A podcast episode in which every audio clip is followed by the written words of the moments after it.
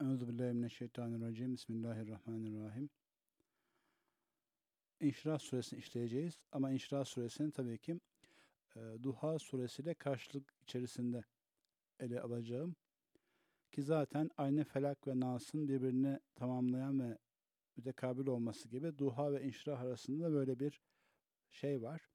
Duha suresi daha çok harici olan problemlerin sıkıştırması, onlara çözüm bulamayan veya o anda çözüm olduğunu göremeyen birisine hitap ederken daha çok İnşirah suresi içsel kişinin kendi duygu ve düşünce dünyasında hissettiği problemler ve ona çözüm bulamayışı arayışını ifade ediyor. Bir önceki yani duhadan bahseden surede değinmiştim. Evet hepimize malumdur ki bu sureler evvela bizzat Efendimiz'e hitap ediyor. Fakat ben deminki sözlerimle Efendimiz'in halinden bahsetmedim. Zaten bu konudaki rivayetler pek makul değil. Zira Efendimiz öyle negatif duygular taşıyacak bir zat değil. Evet onun da tebliğ vazifesi çerçevesinde ve kendisine ve ashabına yapılan eziyetler, önüne konan engeller karşılığında bir cins sıkıntı, tazikat, daralma hissetmesi mümkündür. Zira o da bir beşerdir. Fakat bize benzeyen beşer değil, bizim tabiratımız ona uygun düşmez. Bu konu nakledilen şeyler maalesef çoğu kötü ve abestir diyeceğim. Efendimiz için düşünme, düşünmememiz gereken şeylerdir. Ki o zatın ne denir? Kelimeyi kullanırken bir problem çeki yaşayacağı ama kendisine mahsus o kutsi psikolojisini diyecektim. Analiz edebilecek bir halde değiliz. Haddimize değil. Fakat Kur'an Efendimiz'e bizzat indiği gibi bize de bizzat hitap ediyor diyerek diyerek bize bakan tarafıyla bir analize, bir değerlendirmeye gidiyorum.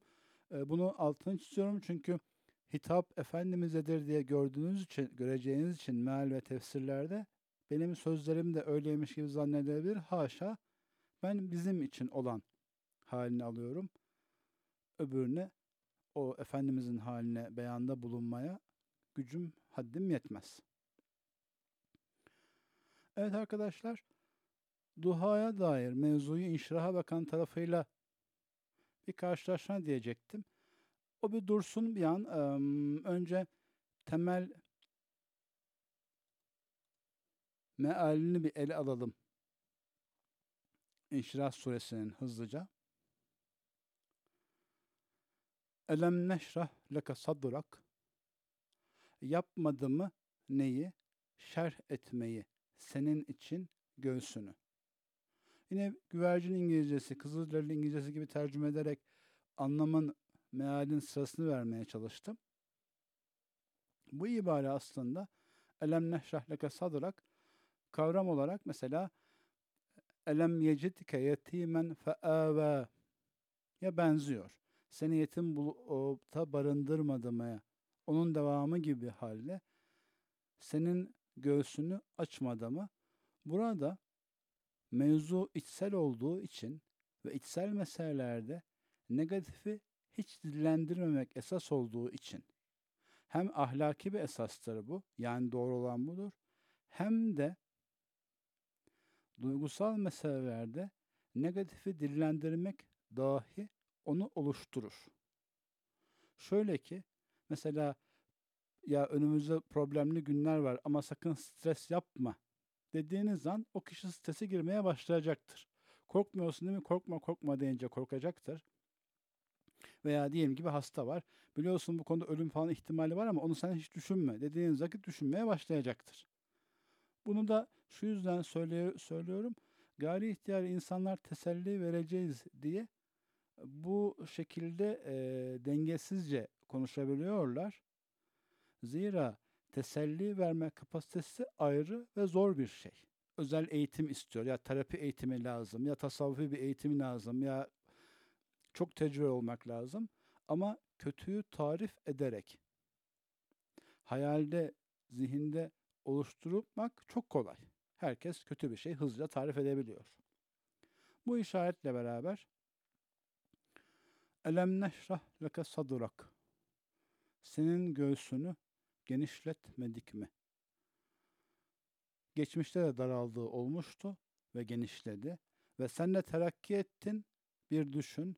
Daha önceleri çocukluğundan başlayarak eğer daha yetişkin örnekler bulamıyorsan ne kadar basit ve küçük şeyler seni tamamen daraltır, kitler, ne yapacağını bilemez hale getirirken zamanla yaşaya yaşaya en azından lakal o çerçevede bir şekilde göğsün genişledi. Tamam. Bir dipnot düşeyim arkadaşlar. Ee, yine tefsirlerin bazılarında şöyle yorumlar görürsünüz. Efendimiz ile Hazreti Musa'yı kıyaslamaya kalkan, bakın Hazreti Musa böyle bir dua etmiş, oysa Efendimiz'e dua etmeyen verilmiş, bu da Efendimiz'in Hazreti Musa'nın üstünlüğünü gösteriyor gibi. Orta çağda yazılmış tefsirlerde böyle şey rastlayabiliyorsunuz. Sonra onlar kopyalanıp gidiyor. Biz Efendimiz'in diğer tüm peygamberlerden, diğer tüm insanların üstün olduğu gibi peygamberlerin üstün olduğunu biliyoruz. Bunda problem yok. Bazıları İslam'la Hristiyanlığı, İslam'la Museviliği karşılaştırma ve İslam'ın daha güzel bir din olduğunu ortaya koyma amacıyla nedense Peygamberimizin Hz. Musa'ya üstünlükleri veya Hz. İsa'ya gibi kitaplar yazmışlar, listeler hazırlamışlar. Oysa bunlara şöyle çok büyük bir mantık hatası var. Hristiyanların inandığı İsa ve Yahudilerin inandığı Musa, atıfta bunu bahsettikleri şahıs olarak aynı ama efsaf olarak bizim inandığımız Hz. Musa değiller ve Hz. İsa değiller. Bizim bildiğimiz ve kabul ettiğimiz halleriyle bunlar başka insanlar. O çerçevede Hz. Musa da bizim peygamberimiz. Onu niye Efendimizle karşılaştıralım ki?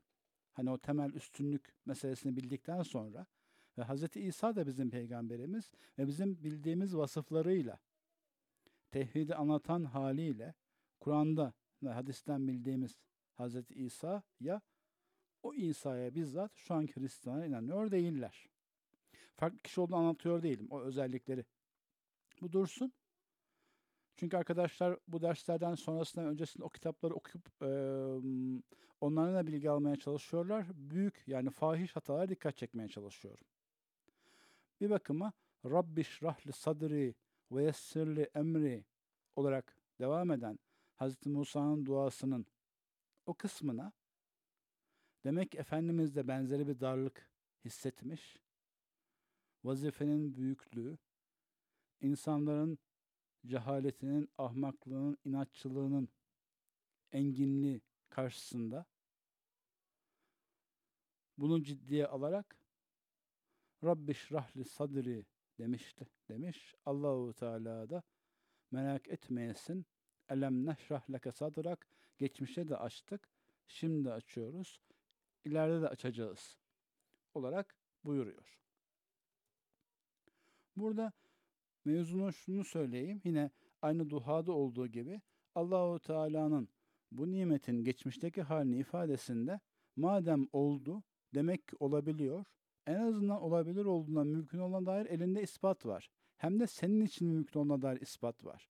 Hem de geçmişte baksan o olduğu olabildiği zamanın tüm kontrolü senin elinde değil. Yani bazı şeyleri eksik gedik yapsan da yetim iken barındığın, muhtaç iken o ihtiyaçtan kurtulduğun ve darlıktayken inşirah bulduğun zamanlar oldu. Bunu şu yüzden söylüyorum.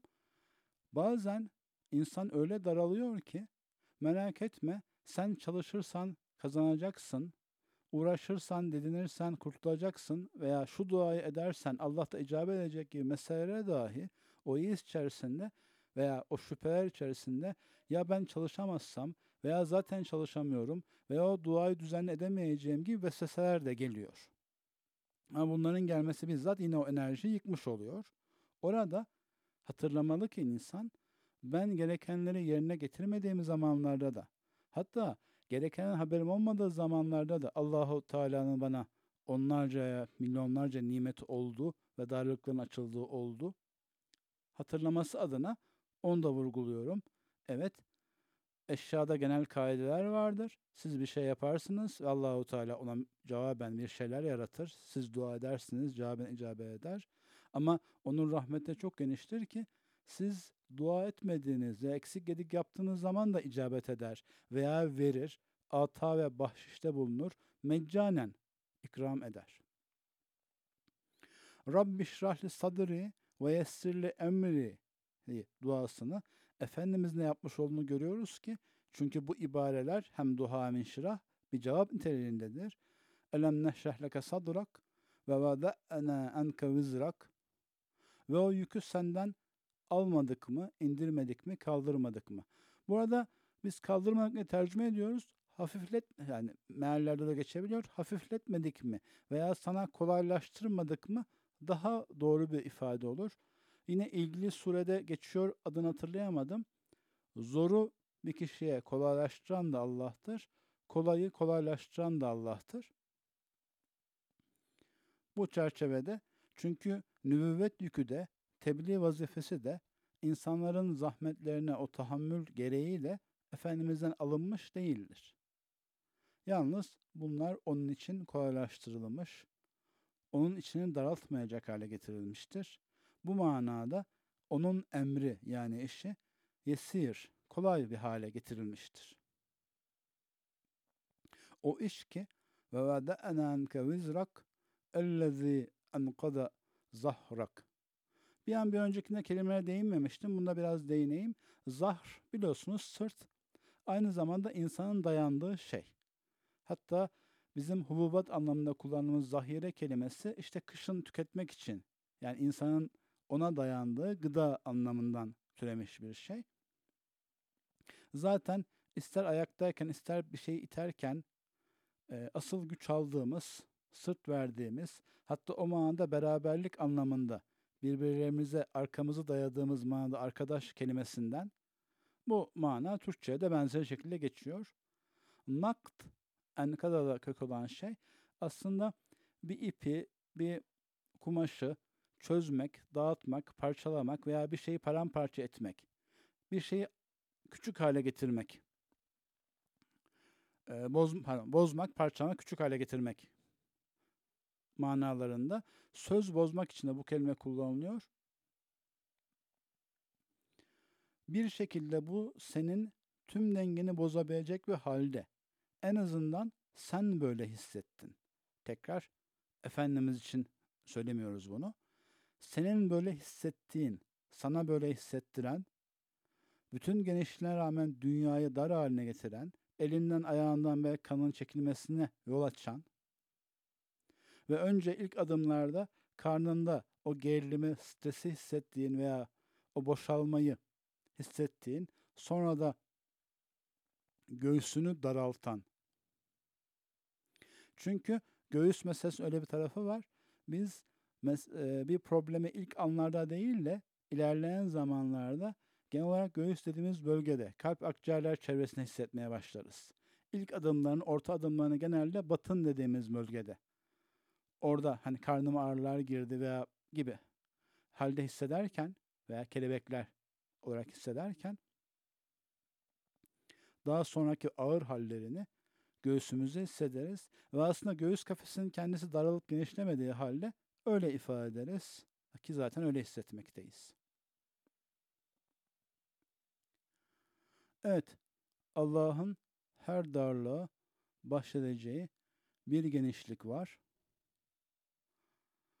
İnşirah suresi kişinin kendi iş dünyasında hissettiği probleme atıfta bulunurken ve temel mantık olarak yese düşme, madem bu daha önce oldu, kendisinden korktuğun yükler, vazifeler sana yüklendi.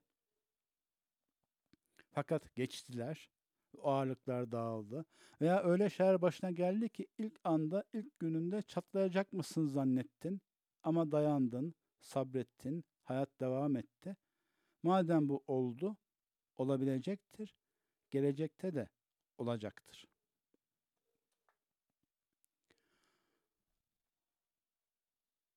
Ve onunla beraber ve rafa'na leke. Buradaki zikir kelimesi arkadaşlar Arapçadaki anlam genişliği çerçevesinde farklı hallerde yorumlanabilir. Malumunuz bir şeyin gündeme gelmesi olarak e, tarif edebiliyorum. Yani o anlamda ister unuttuğunuz bir şey hatırlamak, ister kendi kendinize tekrarlamak, ister meşhur olmak, herkesin ondan bahsetmesi, o manada şan ve şeref. Bunlar bu manalara gelmekte.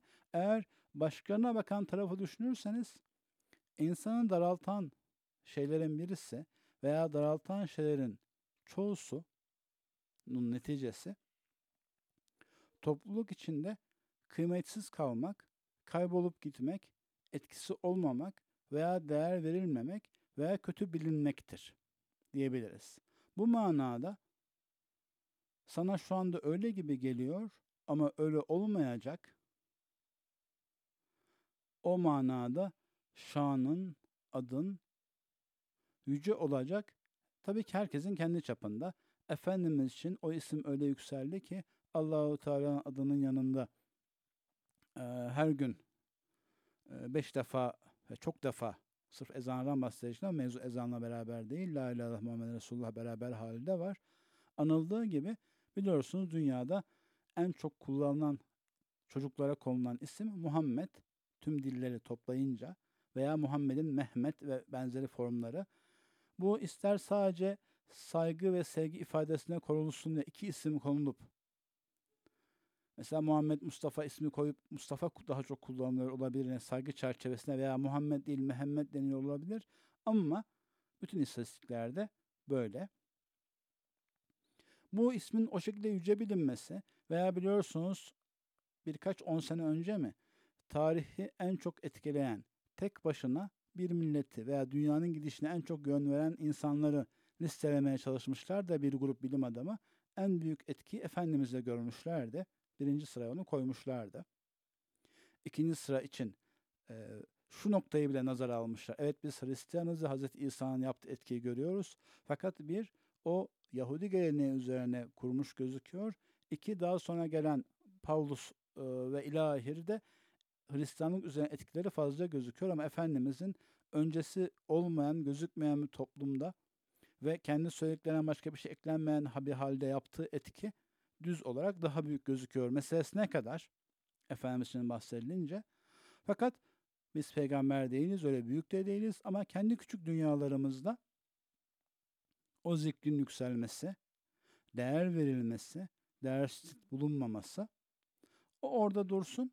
Zikir kelimesinin diğer manalarında da hayır sen bu gaflet haline kalmayacaksın. Senin iç dünyandaki şuur ve zikir yükselecek. Bu mana Efendimiz için söylemiyoruz. Kendimiz için söylüyoruz. Evet daha önce de gaflet ve şaşkınlık içerisinde kaybolduğun zamanlar oldu.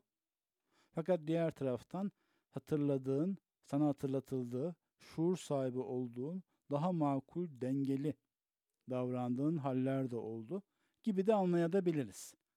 Zikr kelimesinin anlamları çerçevesinde.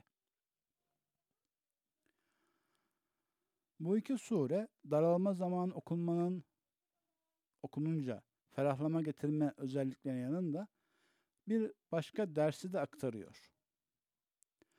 Dış problemlerde ki en temel olarak muhafaza bulamamak, onu yetimlik diye tarif etmiştik. Bilgi sahibi olamamak, yani dal, ne yapacağını bilememek ve o kapıların kapanması ya da imkan bulamamak, ail.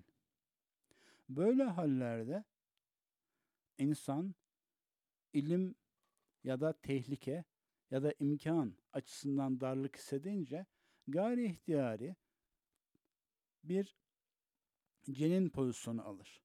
Fiziksel cenin pozisyonundan bahsediyorum ama bunu örnek olarak kullanıyorum. Yani nasıl ki bir tehlike anında veya sıkıntılıyken gayri ihtiyar dizlerimizi göğsümüze çeker, ellerimizi birleştirir, öyle oturur ve öyle yatarız. O korunmalı ve kendimizi rahat hissettiğimiz bir durumdur. Fakat bu halde dünyadan koparız. İnsanlar da genelde maddi ya da ilmi ya da tehlike bir halle, bir problemle karşılaşınca toplumdan kopup işlerin akışını terk edip kendi kabuğuna çekilme meyillenirler. Oysa bu tam olarak problemin sürmesine yol açacaktır. Oysa akış devam etmelidir. O yüzden sen kendin yetim ve muhtaç birisini görünce onu tersleme, hor görme, iyi davran, yapabileceğin yardımı yap. Evet sen bir açıdan kendini ail hissediyorsun. Fakat o muhtaç hissedişini kabullenip hiçbir şey yapmazsan, yani akıştan koparsan daha da o halde kalacaksın. Veya sorana, isteyene yardım et. Evet, sorduğun, istediğin aynısı elinde olmayabilir. Kur'an bizzat ver demiyor o istediği şey illa. Ama ters davranma, benim derdim başımın aşkın deme. Orada bazen bir güzel söz olur, bazen bir yönlendirme olur. Hatta onun bir hali, bir konuyu öğrenmekte zorlanıyor musun? Onu başkasına anlatmaya çalış. Göreceksin ki o akışı kesmezsen sana da verilecek. Fakat bir darlık hissediyorum diyerek kendini darlığa yönlendirirsen daha beter olacaksın.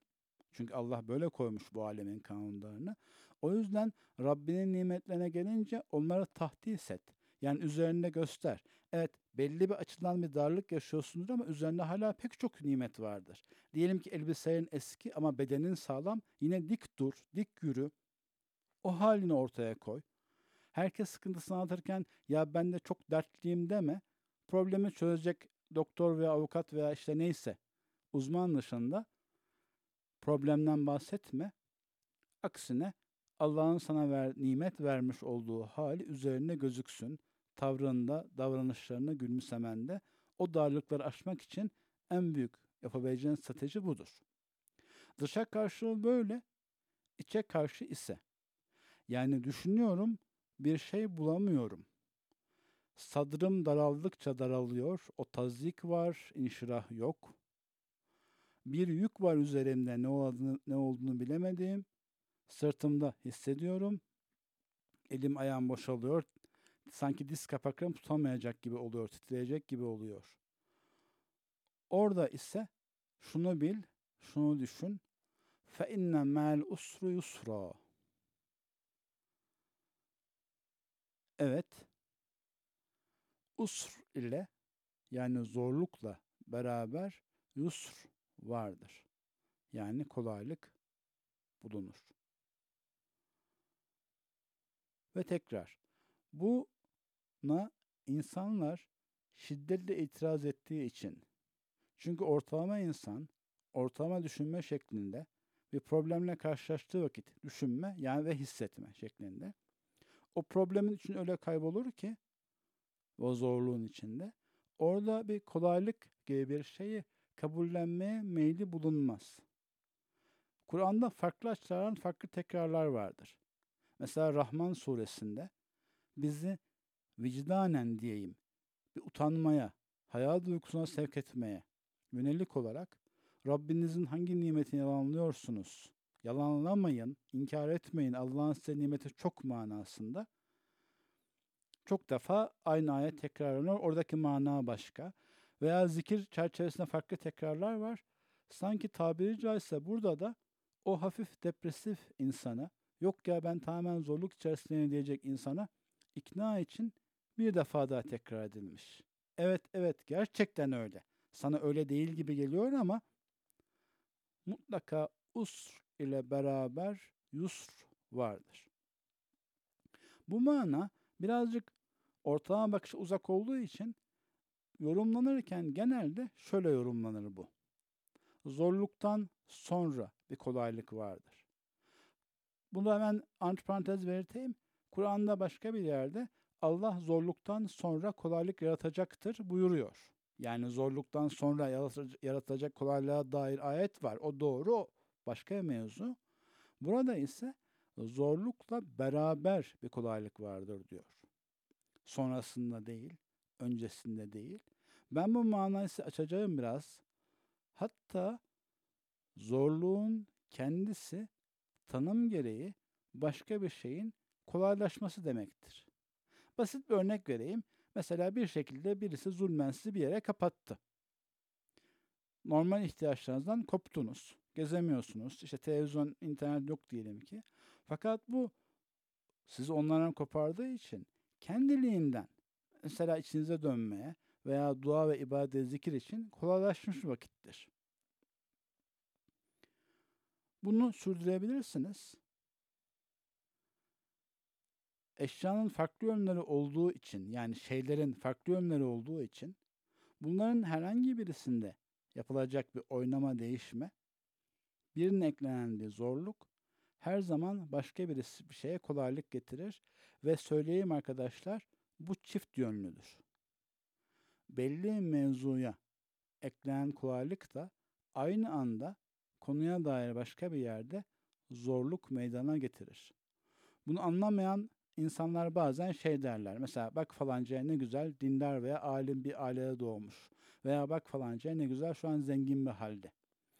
O nimetin sadece o kolaylık kısmını görmektedir. Veya mesela başka bir haliyle diyelim geliriniz 4 bin lirayken siz geliri 20 bin lira olan bir insana imrenebilirsiniz ama diyelim ki siz o halde günde 3-5 saat kalabilirken o insan hiç kalmamış olabilir.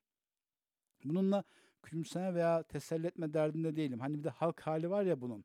Bak falancılar ne kadar zengin ama işte hastaymış ancak haşlanmış patates yiyormuş gibi. Öyle bir teselliden bahsetmiyorum. Aktaracağım manayı da aktarmak için tam ideal örnekler bulamıyorum. Ama zorluğun kendisi kolaylıktır ve kolaylığın kendisi zorluktur. Hangi yöne bakarsanız bakın, hangi yönden el alırsanız alın. Dolayısıyla bir şeyin zaten size zorluk getirmesi o anda belli bir hedefe yönelik belli bir yoldan gittiğiniz içindir. O yoldan değil, diğerinden gidince. Bir şey örnek vereyim. Mesela motosiklet daha küçük bir araçtır. O yüzden yolda e, trafikte güvensizdir. Çünkü başka arabaların arasına sıkışabilir. Ama tam olarak da başka araba arasına sıkışıp gidebildiği için başka arabaların trafikte durduğu yerde, gidemediği yerde motosiklet gidebilir. O yüzden kurye ve dağıtım elemanlar da çok onu kullanır. Çünkü takılmadan o dar ve küçüklüğüyle hareket edebilmektedir. Yani aynı şey hem dezavantaj hem avantajdır. Bunun mesela yüksek IQ için de, falanca düşünme kabiliyeti için de, filanca ilim için de, falanca fiziksel güç için de aynen böyle olduğunu söyleyeyim. Her zorluk zaten kendinden bir kolaylıktır. Her kolaylık da bir zorluktur. O yüzden ahirette perdeler açılınca insanlar bana şu mani olu diye saydığı zorlukların hemen hepsinin tabi arkadaşlar yanlış olmasın bizzat mesela fiziksel eksik gibi her ne kadar yine başka alanda kolaylık getirse de bildiğimiz ortalama insan hayatı için çok zorlaştıran bazı zorluklar da var. O isnayı düşeyim kimsenin çektiği acıyı küçümsemiş olmayayım ve öyle bir mana yansımasın. O küçük istinayı dışarı çıkarırsak fakat bizim hayatımızın akışı içerisinde ahirette perde göreceğiz ki çoğu zaman bu zorluktu ve darlıktı veya darlıktır zorluk dediğimiz şeyler aslında bayağı bir yus taşıyan, bize nimet olan şeyler olduğu gibi haset de başkana haset ettiğimiz, bizde yok diye üzüldüğümüz şeylerin de, o kolaylık ve güzelliklerin de kendi başına kendinden taşıdığı zorlukları da görünce bir parça mahcup olabileceğiz. Allah bizi o halde tutmasın, bize bu dünyada o ilmi versin. İç meselemizde, içte hissettiğimiz darlıkta bu sureden öğreniyoruz ki bakış açımızı değiştirip veya mesele bir daha ele alıp meseleleri bir daha ele alıp o yus, us gözüken şeyin nasıl yusr olduğunu anlamaya çalışacağız. Veya çıkış noktası oradan olacak gibi mesajı alabiliriz. Bu biraz esneklik istiyor. Yine bir dipnot veya bir şerhle düşeyim. Eğer ben ille şu sonucu, ille şu vakitte, ille şu şekilde istiyorum diyorsanız, yani hayatın içerisinde zaten var olan sınırlara, farklılaştıran birkaç sınır da siz ekliyorsanız o ust içindeki yusru göremeyebilirsiniz. Çünkü sizin yapay sınırlarınız var. Yani siz yapay bazı sınırlar koymuşsunuz ve acelecilik ediyorsunuz. O, öyle bakarsanız onları göremeyebilirsiniz. Bu bir. Diğeri de mesela şunu görmüşsünüzdür. Günlük hayatınızda ben şu duayı şöyle edeyim, bunu böyle yapayım diye düşünürken, nedense zor gelirken bir türlü yapamamışken mesela bir vaka sizi sıkıştırdığı zaman bir anda dua etmenin kolaylaştığını görürsünüz. Burada evet insan mizacında bulunan Kur'an'da da anlatılıp azarlanan mesela bir gemide boğulacağı zaman insanlar ihlas ile Allah'a dua ederler ama gemiden inince yani o zorluk geçince unuturlar. Öyle bir halin de etkisi var kabul ama diğer taraftan o zorluğun o meseleyi kolaylaştırması da var. Demek içsel taziklerde insan o zorun getirdiği veya zorla beraber bulunan, zorun yanında olan veya zorun ta kendisi olan kolaylığı görmeye çalışmalı. Bu arada tabii ki bilinç düzeylerimiz, ilimlerimiz farklı farklı. Eğer o mesele çok dar, uzak geliyorsa size zorluğun kolaylığa dönüşeceği zaman diye düşünün. Eğer biraz daha geniş düşünebiliyor, bilgi uygulayabiliyorsanız zorlukla beraber bulunan kolaylık diye düşünün. Tam idealinde bu zorluğun kendisi olan, bizzat kendisine taşıdığı bir paranın iki yüzü gibi kolaylığı görüp anlamaya çalışın. Ve diğer taraftan nasıl ki bir önceki meselede kişi korkunca veya bilemez hissedince veya ail, muhtaç bir halde iken hayattan kopma temayülü oluyor ve insanlara negatif yüzü gösterme temayülü oluyor ve vermeme, öğretmeme, ilgilenme temayülü oluyor ve o sıkıntılı, dağınık veya fakir halini üzerine yansıtma temayülü oluyor ve o sure onu öğretiyor. İçten daralınca da genelde insanlar eylemlerini kabul edilebilir minimum farz yani ancak mecbur düzeyine düşürmeye meyilli oluyorlar. Yani ancak mecbur oldukları şeyi yapıp geri kalan vakti kafa dağıtayım, dinleneyim, enerji toplayayım gibi hayalle harcıyor oluyorlar. Niye? Çünkü içim dar, çünkü sıkılıyorum, çünkü daralıyorum, çünkü enerjim yok. Bu yolda da kendilerini o hale daha beter mahkum ediyorlar. Allahu Teala bu halde buyuruyor Zorlukla beraber kolaylık vardır ve bu gerçekten böyledir. فَاِذَا فَرَغْتَ Fari olunca sen, boşa çıkınca, yani o anda yaptığın şey ne ise biter bitmez fen sap. Tekrar bir yük al, tekrar kendini yor. Yani başka bir alanda böyle Türkçe kelime hatırlayayım. Trivial olmayan, çok kolay, çok basit olmayan bir şekilde senin belli bir enerjini, belli bir latifeni etkileyecek. Birazcık yoracak. Bu bazen yürüyüş olur diyelim ki. O olur. Bazen mutfak işleri olur, yorulup sıkılınca. Bazen bir kitap okuyup anlama çalışması olur. Hani örnek vermeye çalıştım. Hayatınızda ne varsa veya dua etme, çalışması olur. Kelimenin nasipla seçilmesi e, önemli. Sadece meşgul ol demiyor. Yani iştigal et demiyor. Yorul diyor. Feiza feragte. Yani başta bomboş olduğunu, yataktan kalk da bunu yap demiyor tabiri caizse. Uzandığın koltuktan kalk da demiyor. Zaten başta bir işin olmalı. İş sana dünyavi ya da uhrevi fayda getirecek her şey. Çocuğunla ilgilenme adına oyun oynamansa o da iş. Eşinle oturup muhabbetse çay içerek o da iş. Bir hikmeti anlamı olan bir şey veya gerçek para kazanan işler veya ilim öğreten işler veya sevap veren işler onu yap ve fari olur olmaz da arada boşluk bırakmadan eğer gerekiyorsa bunu sağlamak için önceden bir plan yaparak çünkü boşluk bıraktığın an o darlığın devreye girecek. Daha kötüsü darlığın arasından senin içindeki bazı daha eğitimsiz küçük benlikler devreye girecek.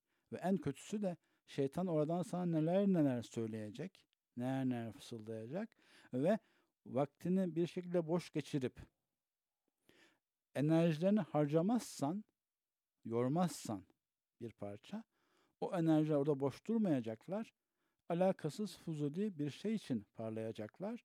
Ve onun da daha kötüsü, günü bitince bakacaksın, ben dardım, bugün darlıkla hiçbir şey yapmadan geçti diyeceksin. Darlığın katmerlenecek. Öyle yapma diyor Allahu Teala.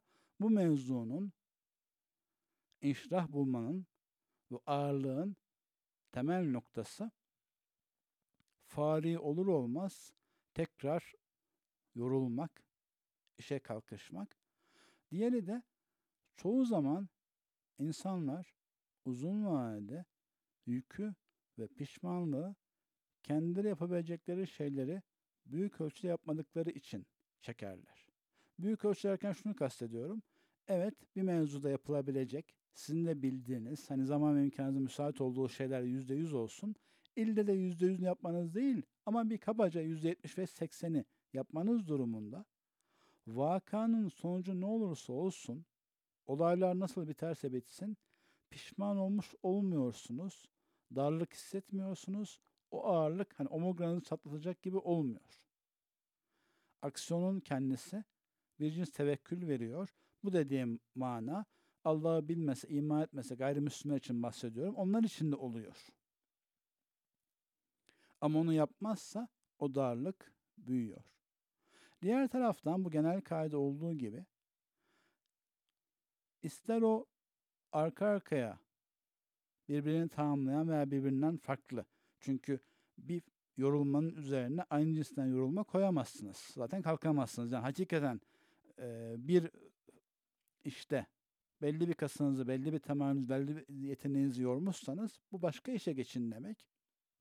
O bu geçişlerde hem şeytanın vesveselerine karşı hem kendinizin gelecek kaygıları ve geçmiş hüzünleri hatırlayıp enerji kaybetmenize karşı ve ila rabbike fergab. Bu iki yönlü hem senin rağbetin, bakışın, hatırlaman Rabbin olursa ve bu ayetler olursa bunu daha kolay yapacaksın. Öbürü de bazen senin ruhunu asıl sıkan şey sadece dünyevi hedeflerdir. Doğrudur. Küçük olanın yine ayakkabı ihtiyacı vardır. İşte bazı darlıklar vardır. Bir diş dolgunuz açılmıştır. Evin badanası ne olacaktır? Karşı komşunun söylediği şey canınızı sıkmıştır. Okula dersler filan. Bunların hepsi meşru da olabilir. Lazım da olabilir. Ama sadece bunlar varsa, hele bir de bir sosyal ortam içerisindeyiz, onlar gayri ihtiyarsiz sayı bunlara getirir. Hepsi meşru, helal, caiz, mümkün olsa bile darlık hissedersiniz. Yani bu mevzunun ikinci ve halede bu feiza feralte faali oldukça, boşa çıktıkça e, yorulma peşinde koştuğunuz gibi koşarken de Allah hatırlamakın güç bulabileceğiniz gibi ilk mana demiştik. İkinci manada ona yönelin. Becerebiliyorsanız tüm yönelişiniz, tüm rağbetiniz ahiret endeksli olsun. Tabii Allah'ın bize dünyada hasene ver, ahirette hasene ver çerçevesinde bahsediyorum. Klasik bazı bir lokma bir hırka gibi bir çerçevede bahsetmiyorum. Esas rağbetiniz Allah'a olsun. O olamıyorsa, tüm zihninizi çeviremiyorsanız günün belli zamanlarını, belli hallerini ibadet veya zikir veya dua veya sohbetle çevirin. Bu ikisinin arasında bir hal de şu.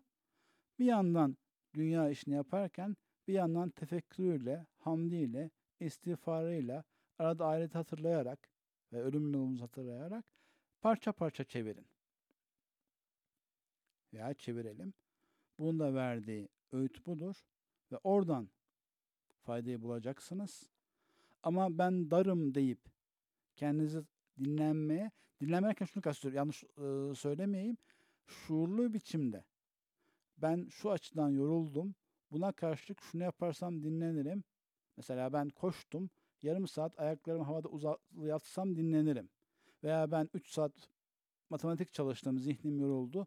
Bu çerçevede 15 dakika neyse işte müzik dinlesem dinlenirim. Bu dinlenmeler de iş hala fark ettiyse. Yani buradaki feyza ferata fen sabın dışında değil. Ben yorgunum deyip hedef kasıt gözetmeden işte televizyon veya dizi veya bilgisayar ve internet açınca bunun dışına çıkmış oluyorsunuz.